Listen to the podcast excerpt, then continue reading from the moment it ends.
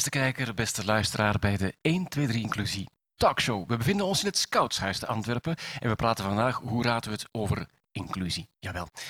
Kinderen en jongeren met een beperking vinden moeilijk aansluiting bij leeftijdsgenoten en in de vrije tijdssfeer.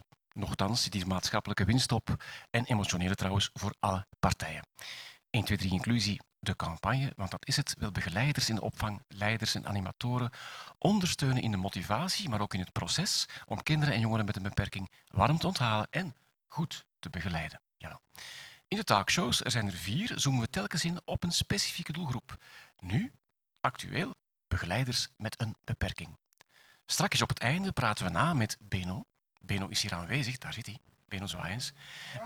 Ja, en met zijn grootste fan zit ernaast, Karel Beno, de schrijver van dit boek. Karel, dank je wel voor deze ondersteuning. Dat was echt nodig. Beno kon een opsteker gebruiken. Uh, Beno gaat goed opletten tijdens deze show en strakjes komt hij verslag doen van zijn bedenkingen. Maar intussen bij ons aan tafel niemand minder dan Jeff. Dag, Jeff. Dag, Wouter. Welkom aan de 1, 2, 3 inclusietafel. Ben jij blij dat je hier bent, Jeff? Tuurlijk ben ik blij dat ik hier ben. Het was zelfs een een hele eer dat ik gevraagd was hiervoor.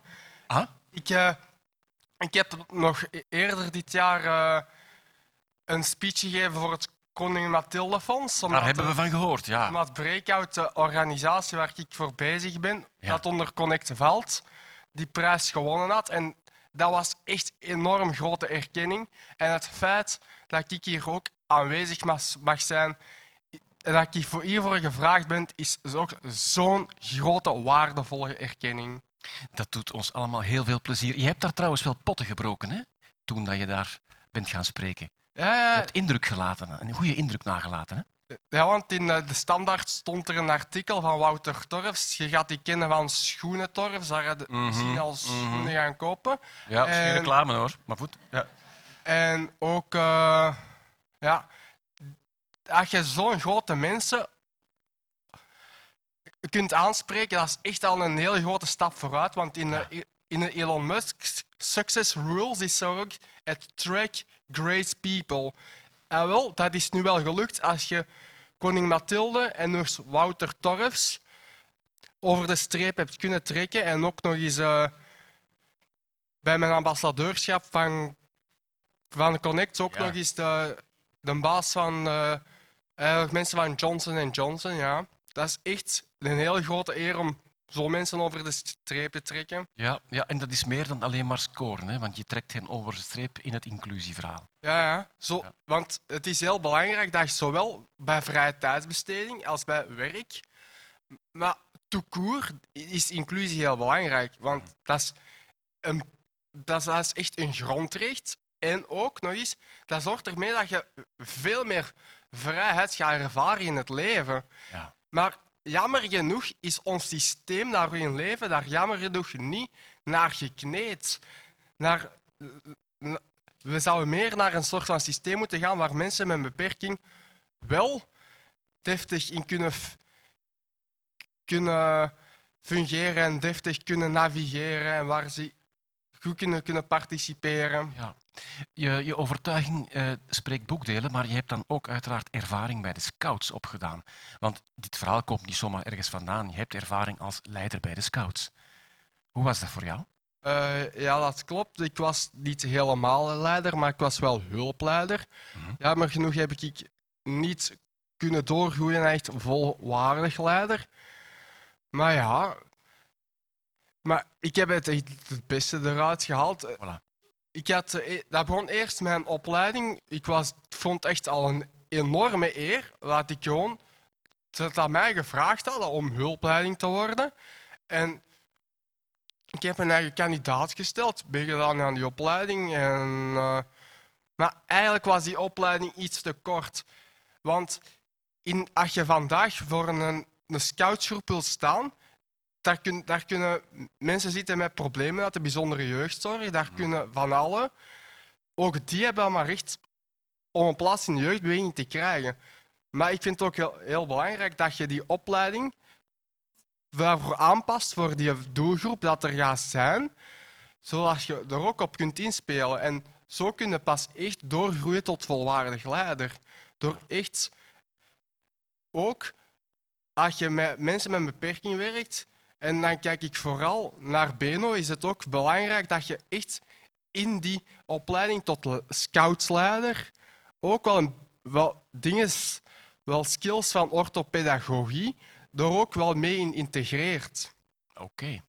Ik denk dat je dat zeer duidelijk hebt gezegd, Jeff. Dat is heel duidelijk. Nu, de scouts, hè, die hebben voor jou ook emotioneel wel iets betekend. Want ehm, een belangrijk element dat jij aanhaalde in een vorig gesprek was... ehm, het is heel belangrijk om ergens bij te horen. Ja, ja en zeker eh, de, met, eh, met het opleidingsjaar, eh, toen, toen we de opname hadden gedaan van de vettige vergadering, dat, was zo, dat is zo met modder, dat is zo met verf, dat is Ja, de beste vergaderingen. Ja. met al die vettige troep op je lijf. En dan na de opruim heb ik gewoon, zelfs met, mijn me- met die medeleiding, gewoon kebab gegeten. Maar zelfs met simpelweg gewoon samen kebab eten, zo die kleine dingen, dat zorgt er ook wel voor dat je er echt al het gevoel hebt dat je erbij hoort. En dat is superbelangrijk. Dat is super belangrijk. En ook, eh, we kregen ook de, af en toe is de kans om samen mee iets te regelen voor het kamp, het kampthema, dat we mee konden bedenken en de Sinterklaasactiviteit in elkaar steken.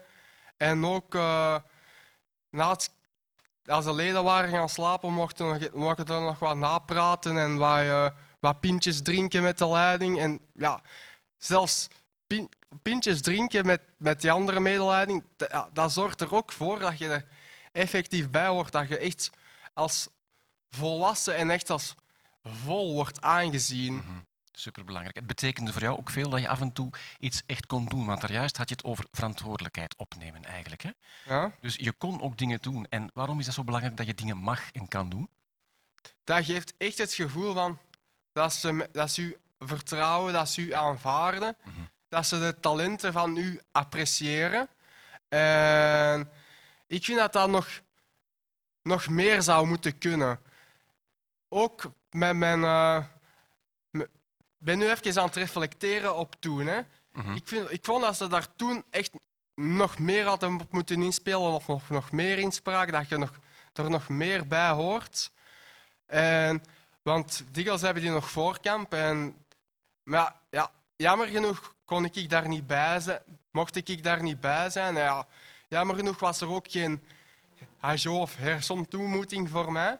Oké. En ik mocht daar gewoon niet bij zijn, omdat we AKB-leden waren. En ja, Dat is een als gemiste je- kans. Als je echt wilt dat die er volledig li- lid deel van uitmaken, moet je ook wel zorgen dat die naar herfstontmoeting kunnen, dat die ook een voorkamp kunnen, dat die echt gewoon in heel het proces tout court gewoon van worden betrokken en dat die daar gewoon hun steentje kunnen bijdragen. Ja, wat ik je hoor zeggen, er is nog wel een groeipotentieel als het gaat over in echte inclusie. Zo. Ja, Ja. ja. dat is het wel. Ja, en eigenlijk zijn we dus samen op weg naar een inclusievere samenleving. Eh, Zouden we daar geen strijdkreet van kunnen maken? eh, ja. Gingen wij ons vuist niet in de lucht steken? Zo? 1, 2, 3, inclusief! Voilà.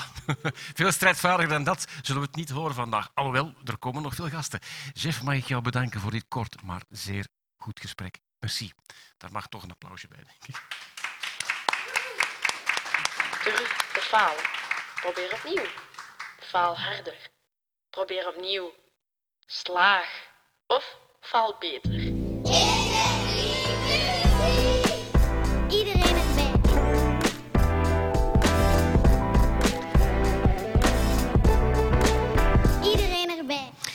Iedereen erbij. En eh, ja, iedereen. eh, We hebben hier twee dames aan tafel. Eh, welkom, dames. Het zijn eh, Tina van de Ambrassade en Priscilla van Bataljon. Goedemiddag. Goedemiddag. Goedemiddag. Welkom, welkom. Eh Priscilla, laat me beginnen bij jou. Hè? Eh, simpel, wie ben je en waarom ben je hier? Ja, eh, ik ben Priscilla, ik werk voor eh Bataljon. En samen met eh, Tina zitten we eigenlijk op een project dat eh Comaf noemt. En het is een project dat er eigenlijk voor wil zorgen dat er eh, dat vrije tijdsaanbod voor meer kinderen en jongeren laagdrempeliger wordt en dat meer kinderen en jongeren ehm, ja, gewoon zichzelf kunnen zijn en kind kunnen zijn en mee kunnen doen met alle andere kinderen. En hoe doen jullie dat concreet? Wat gaan jullie eigenlijk doen? Want, want dit is wat, wat jullie ambitie is. En in de praktijk betekent dat dat jullie dat eh, mededelen aan jeugdverenigingen of clubs of Tina? Ehm, we focussen heel hard op eh, het begeleiden van jeugdverenigingen in Oké. vormingen. Ja. Ehm, vroeger noemde dat jeugdwerk voor allen. Mhm. Ehm, en die vormingen kon je vroeger gratis aanvragen. En andere jeugdwerkorganisaties kwamen dan hun expertise of hun coaching delen met een lokale jeugdwerkorganisatie. Mhm. Maar we zagen dat dat eigenlijk niet zo goed werkte, omdat dat een heel kortstondige vorming was. Eh, dus nu hebben we dat diepgaander aangepakt, meer vanuit de noden van die professionele jeugdwerkorganisaties nagedacht. Ehm, en willen we ook meer focussen op lange termijn vormingen. Dus meer een begeleiding met een lokale jeugdwerkorganisatie om echt stap voor stap in te zetten Mhm. naar dat inclusiever, naar dat laagdrempeliger. jeugd. Ja. Dus wat Jeff daar juist vertelde, dat is waar jullie eigenlijk nu op werken, voor een stuk. Ja, Om die vormingen beter aan te pakken, hè? die opleiding sterker te maken en vooral meer aandacht te vragen voor echte inclusie. Hè? Dat is toch waar we naartoe gaan. Oké, krijgen jullie heel specifieke vragen vanuit verenigingen? Vaak gaat dat bij, bij de ambassade over jeugdambtenaren of professionele jeugdwerkers die ehm, graag hun lokaal jeugdwerk willen ondersteunen en heel hard op zoek zijn naar hoe kan ik hun vormen, ehm, hoe kan ik de inspiratie heel behapbaar ehm, doorgeven aan hun. Ehm, ja, en dan kijken wij echt met een andere jeugdwerkorganisatie. Hoe kunnen we elkaar vinden Ja. en kan er een vorming eh, ontspruiten uit Ah ja, eh, de vraag. En Komaf gaat daar voor een stuk een antwoord op bieden? Ehm, ja, dat is toch de bedoeling, daar, daar hopen wij op. Ja. Eh, want zoals Tina zei, wij zetten in op die langdurige begeleidingen en eh, echt trajecten ehm, waar eh, lokale besturen, lokale jeugdverenigingen echt op willen inzetten. Ehm, en de focus is ook altijd de noden van de kinderen en jongeren die in die gemeentes of die langskomen op die lokale ehm, plekken, Ja. eh, om vanuit hun noden, eh, talenten, competenties, om daaruit te vertrekken en dan te gaan kijken, oké, wat ontbreken wij als vereniging of als, als, als begeleider om hen zoveel, zo goed mogelijk te ondersteunen en eh, zo goed mogelijk op te vangen bij ons. Ja. Dus daar... eh, Oké, en die noden en die vragen vanuit lokale spelers zo, hè, eh, die gaan jullie zelf opzoeken of gaat dat ook voor een stuk via onderzoek? Eh, waar halen jullie de mosterd vandaan?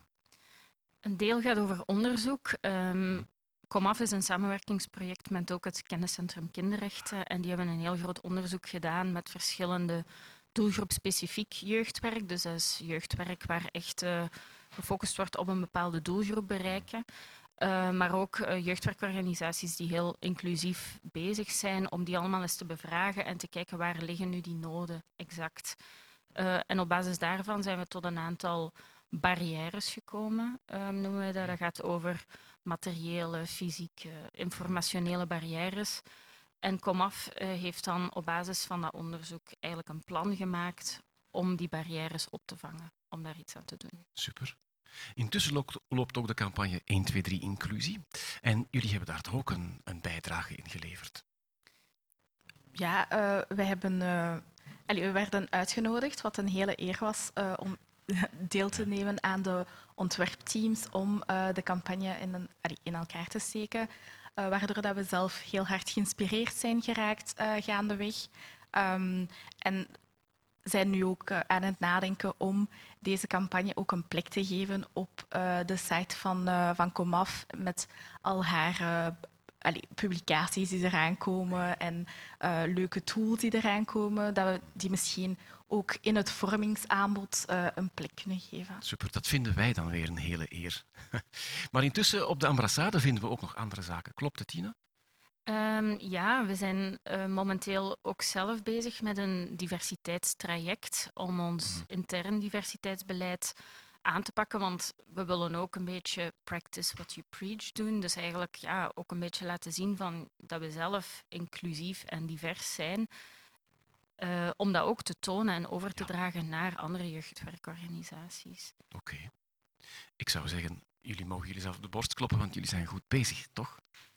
Ja, het kan altijd beter, maar de Ja. stappen worden gezet. En, eh, Het mag ook altijd beter worden, hè?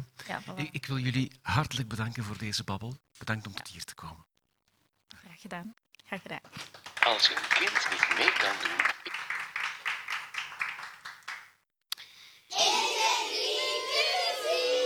Iedereen erbij. Zo dadelijk praten we met Lars en zijn mama Free en ook Marleen. Lars speelt al jaren handbal bij Uilenspiel. Dat is zijn club. Dat gebeurt inclusief. Eh, samen met andere spelers dus. En zonder een beperking. Op zich is dat een heel sterk verhaal. Maar het wordt nog beter. Want, hou je vast, hij is zo net handbaltrainer geworden. Proficiat Lars. Welkom, Lars. En welkom mama Free. En welkom Marleen van de handbalorganisatie Uilenspiegel. Ehm, Lars, ik ga met jou beginnen. Hè. Wat is er nu zo leuk aan handbal, man? het is een sport, Ja. Eh, Ja. maar je doet het graag. ja, ik doe het graag. Ja, ja. De inspanning, het zweten. Ja. ja. Samenspelen met anderen, Eh, ja. dat ook. Ja, ja. Je doet het ook al een hele poos, hè? Ja. Hoeveel jaren al, weet je dat? Eh, zeven, zes jaar Amai. Dat is een heel eind al. Ja. Ja, ik heb ook horen vertellen, en dan kijk ik even naar Marleen, dat hij dat best wel heel goed doet. Ja, Lars is een hele mooie speler die enorm veel heeft geleerd en eigenlijk nu in zijn gewone ploeg zeker eh, een van de betere spelers is geworden. Absoluut. Nu, eh, ja, Lars heeft een beperking. Hoe reageren de andere spelers eh, op die beperking? Heb je daar zicht op? Ehm, misschien moeten we het aan Lars zelf vragen, maar ik denk, we proberen in de ploeg vooral ehm, een mentaliteit te hebben van, we hebben voor iedereen respect, iedereen hoort erbij, iedereen is ook even gelijkwaardig. Ehm, dat willen we uitstralen en dat proberen we ook bij de andere spelers echt wel als, ehm, als item telkens te geven. En ja, meestal lukt dat wel, denk ik, maar ik denk dat Lars er meer over kan zeggen. hè. Ja, ze kijken daar niet echt naar. Nee. eh, wat er zo wat mis is of zo. Ze hebben het gewoon niet door. Ze kijken gewoon naar jouw talent. Ja. En ze zijn gewoon graag met jou samen in de ploeg. Kijk, zo moet het zijn. Hè? Dat is toch wat iedereen hoopt. Hè? Een vraagje naar mama Free. Wat betekent dat als je eh, naar het traject van Lars kijkt? Van kleins af aan tot nu. Wat betekent dat voor jou als moeder?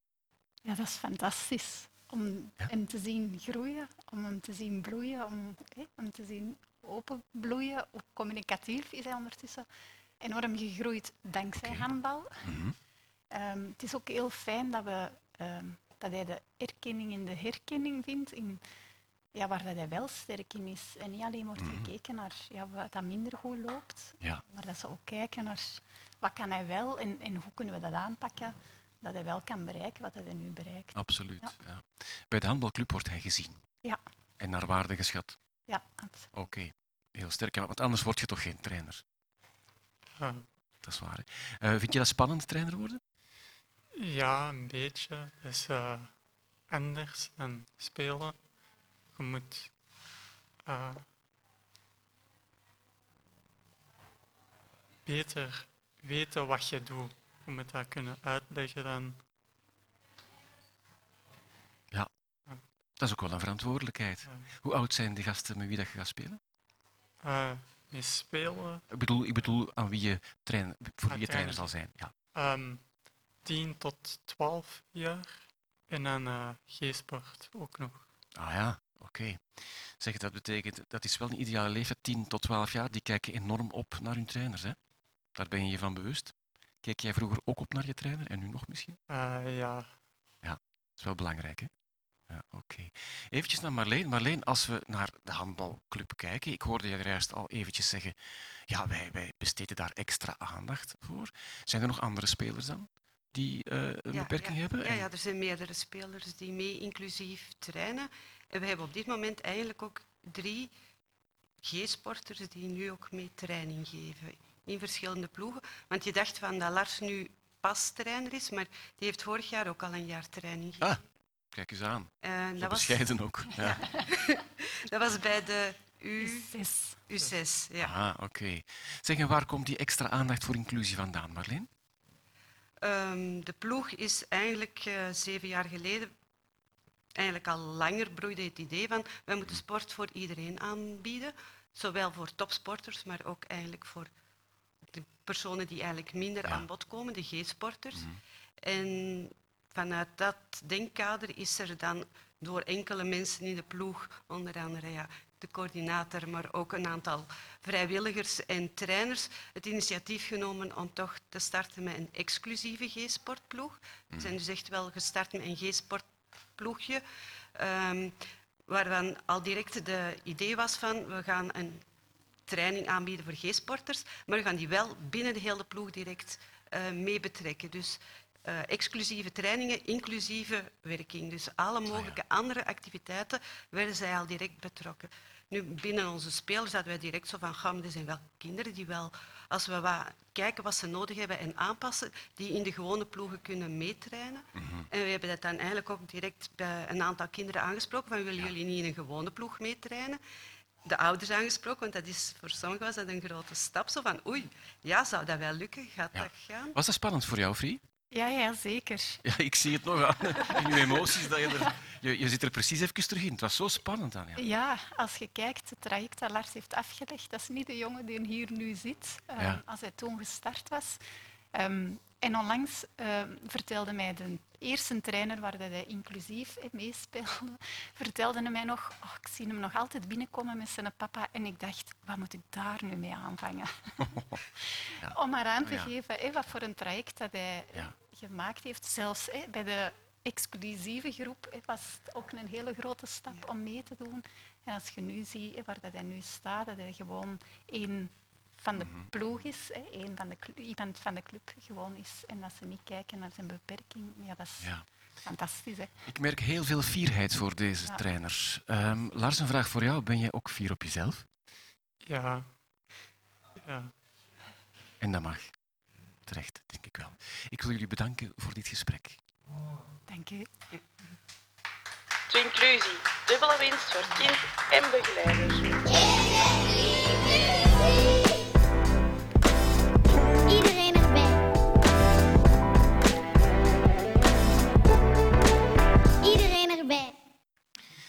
We zoomen zo dadelijk in op een bijzonder verhaal uit het Brugse. Eh, Niels, een begeleider met een beperking, zorgt mee voor jonge kinderen. Hij is daar bijzonder fier op. Ook, en niet om het minst, omdat hij daar bovendien zelf voor gekozen heeft. We kijken naar een fijn verslag.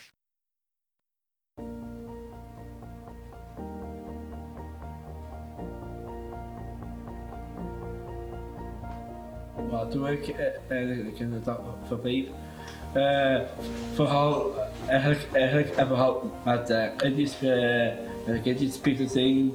Met de kindjes spelen? Ja, ja. ja eh, kindjes, eh, kindjes spelen ehm, en, ook- en ook, eh, en ook toezicht houden over de kindjes en, en, en ook een verhaaltje voorlezen voor de kindjes en, en ook samen, ook samen, ook samen opruimen en, en ook samen, ook, ook, ook samen eh, dansen ook. Nu nog mijn neusje, mijn neusje en dan ben ik klaar. Bravo!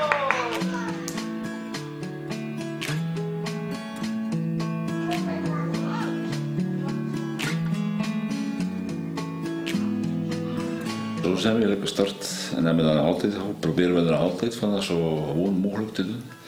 En ehm, eigenlijk ja, in de normale maatschappij te laten meedraaien. En uh, maar we vinden tot nu toe dat dat redelijk gelukt is. nu vanaf het, uh, het begin was het eigenlijk al uh, zoeken achter, achter een opvang die, die, die geschikt was en, en die dat ook wilde doen. Met een paar mensen gedaan. Ze waren allemaal bereid. Ze waren eigenlijk allemaal bereid. Ja. Maar, maar nee, niemand gevonden die eigenlijk echt wel uh, ervaring had, omdat ze ook een broer had met een beperking. Oh. Dus hij heeft eigenlijk heel zijn schoolloopbaan en, uh, en het onderwijs uh, gevolgd. Uh, dat is niet altijd Over rozen. Over rozen, ja. Dat er met vallen en opstaan, met uh, valslagen, gaan we maar zeggen. Uh, maar men dat kunnen uh, zonder dat hij daar schade van heeft. Wij hebben daar misschien wel een beetje schade van oplopen, maar ja, hij zelf is dat uh, goed uit te komen.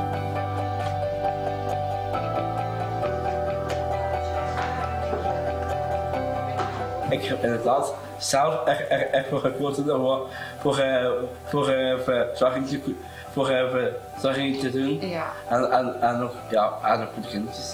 Dus het, vanaf, vanaf het zesde leerjaar uh, wilde die kinder verzorgd worden. Dat is, dat is, je moest een spreekbeurt tonen over wat dat hij wilde worden. En dat was vanaf uh, begin wilde hij dat worden. Dus ja, hij, heel zijn opleiding is dus in die, die ding van kinderen of van geweest in die richting. Dus we moesten toen uh, werk zoeken. We hebben mensen even naar de VDAB, trajectbegeleiding, stage voor kinderbegeleiding en een kinderdagverblijf. Toen hebben we moeten uh, gaan zoeken naar iets anders. En ja, toen op een moment kwam ik een collega tegen van mij, uh, die ook in steunpunt voor inclusie zat. En we gingen aan de praat en zij zei, ja, ik ken bij de Blauwe Lelie, ben ik daar geweest en zij hebben daar inclusieve kinderopvang. Uh, waarom neem ik hier geen contact met hen? En dan ben ik bij Arlette terechtgekomen. En ja, eigenlijk is dat dan vanaf dan... Ja, maar dan is, ja, vanaf dan was dat een droom voor Niels. Ja, dat was dat iemand dat die je kan steunen en die je begeleidt. En die je brug is tussen uh, de, allee, de, de, omgeving waar dat uh, persoon terechtkomt en de, en de ouders, is dat, is dat, dat is ideaal. Bij het begin dan van zijn vrijwilligerswerk hier in uh, Oogappel en in Knuffel zijn we dan samengekomen met het team, dus met de inclusiecoach erbij. En hebben we dan eigenlijk gekeken van welk werk is hier uh, gepast voor Niels. Dus eigenlijk zoeken naar inclusief werk. Werk binnen een gewone werkomgeving, maar aangepast aan zijn kunnen. Um, nu hebben we dan een soort plan opgesteld van kijk, dat zijn zijn taakjes. En in het begin had hij nog een lijstje dat hij moest gaan afvinken van dat heb ik gedaan en dat heb ik gedaan. Maar nu kent hij dat eigenlijk perfect, uh, heeft hij zijn lijstje niet meer nodig. En kan hij ook heel gemakkelijk een keer van dat lijstje afwijken. Ja. Uh, maar dat was wel een heel goed houvast uh, in het begin voor hem. En dat lijstje is ondertussen ook uitgebreid. Het is, zo, het is, het is niet, nee, het komt altijd maar bij omdat hij ook uh, zijn werkt. Natuurlijk, ik, ik inderdaad wel heel graag. Ja. Inderdaad. En zeker, en zeker voor, de, uh, voor de kindjes en ook voor de, voor de kinder, voor de, voor de kinderparalysis.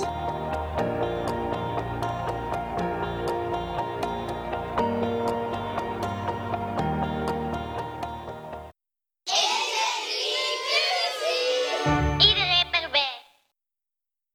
Aan de handen van het hoe, het wat en het waarom van inclusie maakt het boek Excluses, dat is dit boek, brandhout van argumenten die uitsluiting in hand houden. Het is tijd voor... De Babbel met Beno. Jawel, en Beno. Welkom. Iedereen erbij. Iedereen erbij. Ja, Beno, je bent vandaag bij ons om die excuses te weerleggen. En je hebt hier zojuist weer drie heel sterke verhalen gehoord. En laten we beginnen met Jeff. Wat, wat viel jou meteen op bij het verhaal van Jeff? Ja, drie, drie mooie verhalen en daar kun je natuurlijk heel veel over, over vertellen. Um, en bij Jeff, het verhaal van Jeff, wordt toch heel erg duidelijk dat inclusie een uitdrukkelijke vraag is van mensen met een beperking zelf. Mm -hmm. Het is geen uitvindsel van een of andere idealist of van een, een of andere buitenlandse commissie of wat dan ook. Nee, het is een uitdrukkelijke vraag van mensen met een beperking om deel uit te maken van de samenleving en te kunnen deelnemen aan alles wat de samenleving te bieden heeft. Dus in al zijn facetten. Uh, wanneer het gaat over deelnemen aan een jeugdbeweging, oké, okay, maar ja, wat betekent het dan voor het doorstromen naar uh, een leider zijn, een scoutsleider of een giroleider of een animator zijn? Ja. Wat betekent dat dan voor verantwoordelijkheid dragen enzovoort? Dus dat, zijn, dat maakt dat verhaal heel sterk duidelijk. Um, dat, dat uh, mensen met een beperking eigenlijk weg willen van de betutteling. Weg willen van het feit dat andere mensen gaan bepalen wat voor hen het beste is. Ja. Um, dat moet in samenspraak gebeuren. Hè. Mm. Zij zijn zelf ervaringsdeskundig in hun eigen beperking. Ze hebben ouders die ervaringsdeskundig zijn in wat hun kind eh, het beste kan of nodig heeft.